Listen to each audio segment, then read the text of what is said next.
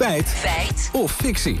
We zetten onze tanden in het nieuwe pensioenstelsel, Evelien. Zeker wel. Het stelsel waar de Kamer maar niet over uitgepraat raakt.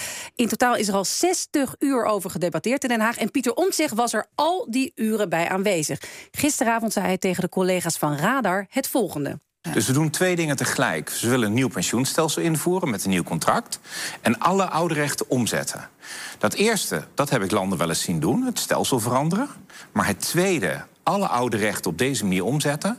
Ja, dat heb ik eigenlijk nog nergens in de wereld gezien. Ja, het is ingewikkeld, dus ik herhaal het even. Hij zegt hier eigenlijk dat hij geen ander land ter wereld kent... waar pensioengerechtigden van het oude stelsel verplicht zijn... in het nieuwe stelsel mee te gaan. We zouden in Nederland dus een heel andere koers opgaan dan andere landen. Ik zocht uit of het klopt wat Omtzigt hier beweert. Nou, het is dus een thema waar de Kamer niet over uitgepraat raakt. Maar uh, toch even, hoe, hoe, werkt dan dat nieuwe pensioenstelsel? Van wat gaat er straks precies veranderen? Nou, nu zit al het pensioengeld nog in één grote pot... maar straks krijgt iedere pensioengerechte een eigen potje. Hoe dat werkt als je eenmaal met pensioen bent... dat legt Tim Burgraaf uit. Hij werkt voor consultancybureau EF... en is gespecialiseerd in pensioenen. Nu krijgen mensen jaarlijks een vaste uitkering. Dus als je dit jaar 1000 euro krijgt krijg je dat volgend jaar in principe ook. Misschien wordt het iets meer door indexatie, wat minder door korter. Maar in de praktijk is het eigenlijk altijd 1000 euro.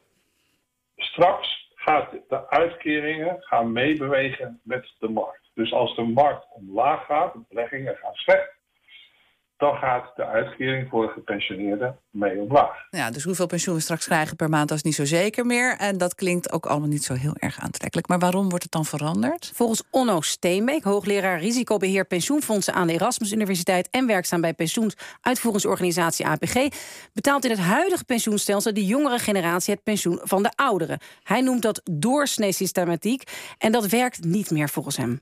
Uh, maar omdat die arbeidsmarkt veel flexibeler wordt, um, en andere eisen worden gesteld aan pensioen, uh, willen we dat obstakel, die doorsystematiek, uh, kwijt, zodat we ook weer door kunnen. Zodat we flexibeler zijn in uh, het, het, het aanpassen van het systeem aan de wensen of de eisen van de arbeidsmarkt van nu. Oké, dan is dat helder. Uh, Evelien, dan gaan we nu uh, terug naar wat Pieter Omtzigt zei in Radar.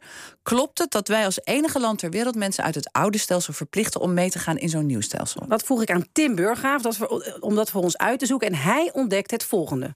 Ik moet zeggen dat als ik kijk naar de grote transities wereldwijd, zoals in Canada, in de UK, in Australië, in Chili, daar is dat ook niet gebeurd. En waarom doen wij het als Nederland dan wel? Daar is een goede reden voor, legt hoogleraar Steenbeek uit. In Nederland zou dat moeilijk zijn. Want als je zegt dat de jongeren wel overstappen en de oudere generaties uh, niet...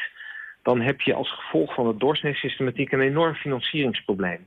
Een enorm gat in de begroting die uh, opgehoest moet worden door iemand. En het Verenigd Koninkrijk is daar een voorbeeld van... waar het pensioenstelsel onlangs ook hervormd is. Burghaaf belde voor ons nog even met een Britse collega hierover. En daar werd men verplicht in het oude pensioenstelsel te blijven... mits een adviseur adviseerde over te stappen naar het nieuwe stelsel. Inmiddels is daar een enorm financieel gat ontstaan... en heeft men geen idee hoe de pensioenen voor de nieuwe generatie te, uh, dus, uh, gefinancierd moeten worden. Oké, ja, dus dat is, dat is, ook niet best. Uh, Nederland heeft er dus wel goed over nagedacht. Is het dan feit of fictie? Nou, wij beoordelen de uitspraak van Omtzigt als een feit.